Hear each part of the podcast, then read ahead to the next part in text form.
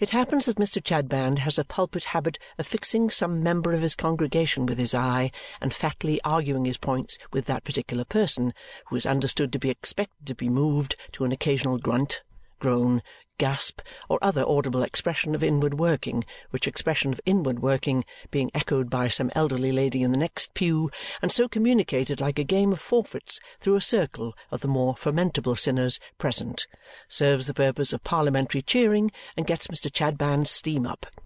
From mere force of habit, Mr. Chadband, as saying "My friends," has rested his eye on Mr. Snagsby and proceeds to make that ill-starred stationer, already sufficiently confused, the immediate recipient of his discourse. "We have here among us, my friends," says Chadband, "a Gentile and a heathen, a dweller in the tents of Tom all Alone's, and a mover on upon the surface of the earth. We have here among us, my friends and Mr. Chadband, untwisting the point with his dirty thumb-nail, bestows an oily smile on Mr. Snagsby, signifying that he will throw him an argumentative backfall presently if he be not already down. A brother and a boy, devoid of parents, devoid of relations, devoid of flocks and herds, devoid of gold and silver and of precious stones. Now, my friends, why do I say he is devoid of these possessions? Why? Why is he?" Mr. Chadband states the question as if he were propounding an entirely new riddle of much ingenuity and merit to Mr. Snagsby and entreating him not to give it up. Mr. Snagsby, greatly perplexed by the mysterious look he received just now from his little woman at about the period when Mr. Chadband mentioned the word parents, is tempted into modestly remarking. I don't know, I'm sure, sir. On which interruption Mrs. Chadband glares, and Mrs. Snagsby says, For shame! I hear a voice, says Chadband. Is it a still, small voice, my friends? I fear not, though I fain would hope so. Ah! From Mrs. Snagsby. Which says I don't know. Then I will tell you why. I say this brother present here among us is devoid of parents, devoid of relations, devoid of flocks and herds, devoid of gold, of silver, and of precious stones, because he is devoid of the light that shines in upon some of us. What is that light? What is it? I ask you, what is that light? Mr. Chadband draws back his head and pauses, but Mr. Snagsby is not to be lured on to his destruction again. Mr. Chadband, leaning forward over the table, pierces what he has got to follow directly into Mr. Snagsby with the thumb-nail already mentioned. "It is," says Chadband, "the ray of rays the sun of suns, the moon of moons, the star of stars. It is the light of Terewth." Mr. Chadband draws himself up again and looks triumphantly at Mr. Snagsby as if he would be glad to know how he feels after that. "Of Terewth," says Mr. Chadband, hitting him again. "Say not to me that it is not the lamp of lamps. I say to you it is. I say to you a million of times over it is. It is. I say to you that I will proclaim it to you, whether you like it or not. Nay, that the less you like it, the more I will proclaim it to you, with a speaking trumpet. I say to you that if you rear yourself against it, you shall fall you shall be bruised, you shall be battered, you shall be floored, you shall be smashed. The present effect of this flight of oratory, much admired for its general power by Mr. Chadband's followers, being not only to make Mr. Chadband unpleasantly warm, but to represent the innocent Mr. Snagsby in the light of a determined enemy to virtue, with a forehead of brass and a heart of adamant, that unfortunate tradesman becomes yet more disconcerted and is in a very advanced state of low spirits and false position when Mr. Chadband accidentally finishes him. "My friends," he resumes after dabbing his fat head for some time, and it smokes to such an extent that he seems to light his pocket-handkerchief at it, which smokes too after every dab. "To pursue the subject, uh, we are endeavouring with our lowly gifts to improve, let us in a spirit of love inquire what is it that Terewth to which I have alluded. For my young friends," suddenly addressing the 'prentices and Guster to their consternation, "if I am told by the doctor that calomel or castor oil is good for me, I may naturally ask what is calomel and what is castor oil. I may wish to be informed of that before I dose myself with either or with both. Now, my young friends, what is this Terewth, then? Firstly, in a spirit of love, what is the common sort of Terewth? The working clothes, the everyday wear, my young friends? Is it deception? Ah! For Mrs. Snagsby. Is it suppression? A shiver in the negative from Mrs. Snagsby. Is it reservation? A shake of the head from Mrs. Snagsby, very long and very tight. No, my friends, it is neither of these. Neither of these names belongs to it. When this young heathen now among us who is now, my friends, asleep, the seal of indifference and perdition being set upon his eyelids. But do not wake him, for it is right that I should have to wrestle, and to combat, and to struggle, and to conquer for his sake.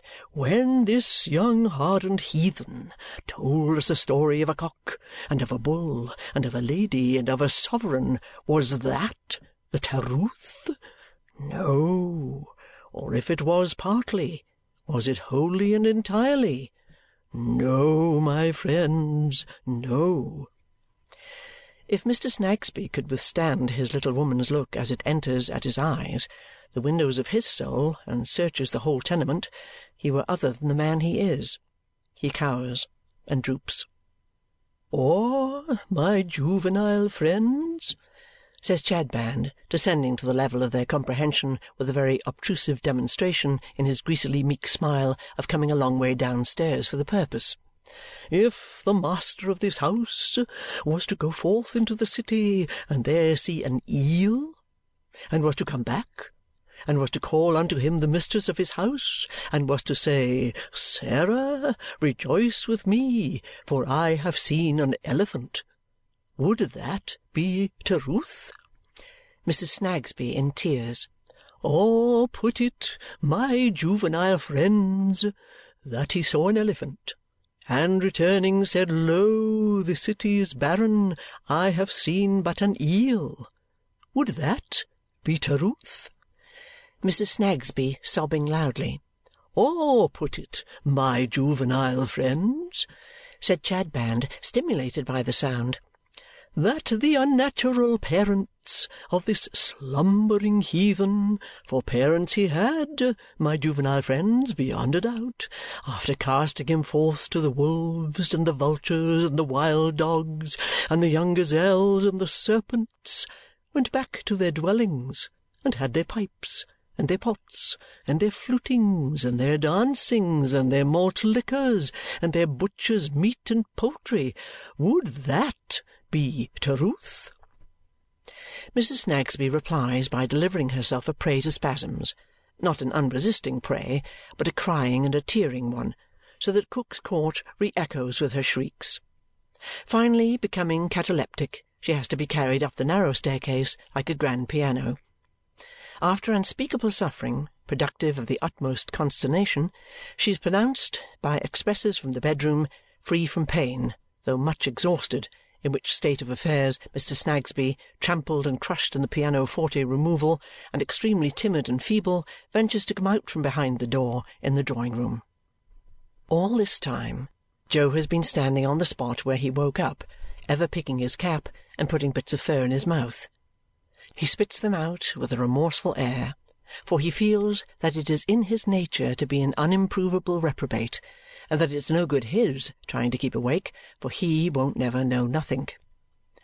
Though it may be, Jo, that there is a history so interesting and affecting even to minds as near the brutes as thine, recording deeds done on this earth for common men, that if the Chadbands, removing their own persons from the light, would but show it thee in simple reverence, would but leave it unimproved, would but regard it as being eloquent enough without their modest aid, it might hold thee awake, and thou might learn from it yet. Jo never heard of any such book. Its compilers and the Reverend Chadband are all one to him, except that he knows the Reverend Chadband and would rather run away from him for an hour than hear him talk for five minutes. It an't no good my waiting here no longer, thinks Jo. Mr. Snagsby an't a going to say nothink to me to-night, and downstairs he shuffles. But downstairs is the charitable Guster, holding by the handrail of the kitchen stairs and warding off a fit, as yet doubtfully the same having been induced by Mrs. Snagsby's screaming. She has her own supper of bread and cheese to hand to Jo, with whom she ventures to interchange a word or so for the first time. Here's something to eat, poor boy, says Guster. Thank ye, mum, says Jo. Are you hungry? Jist, says Jo. What's gone of your father and mother, eh? Jo stops in the middle of a bite and looks petrified, for this orphan charge of the Christian saint whose shrine was a Tooting has patted him on the shoulder, and it is the first time in his life that any decent hand has been so laid upon him. I never knowed nothink about 'em, says Jo. No more didn't I of mine, cries Guster. She is repressing symptoms favourable to the fit when she seems to take alarm at something and vanishes down the stairs. Jo, whispers the law stationer softly as the boy lingers on the step. Here I am, Mr. Snagsby. I didn't know you were gone. There's another half-crown, Jo. It was quite right of you to say nothing about the lady the other night when we were out together. It would breed trouble. You can't be too quiet, Jo. I'm fly, master. And so, good night. A ghostly shade, frilled and night-capped, follows the law stationer to the room he came from and glides higher up. And henceforth he begins, go where he will, to be attended by another shadow than his own, hardly less constant than his own, hardly less quiet than his own, and into whatsoever atmosphere of secrecy his own shadow may pass, let all concerned in the secrecy beware. For the watchful Mrs. Snagsby is there too, bone of his bone, flesh of his flesh, shadow of his shadow.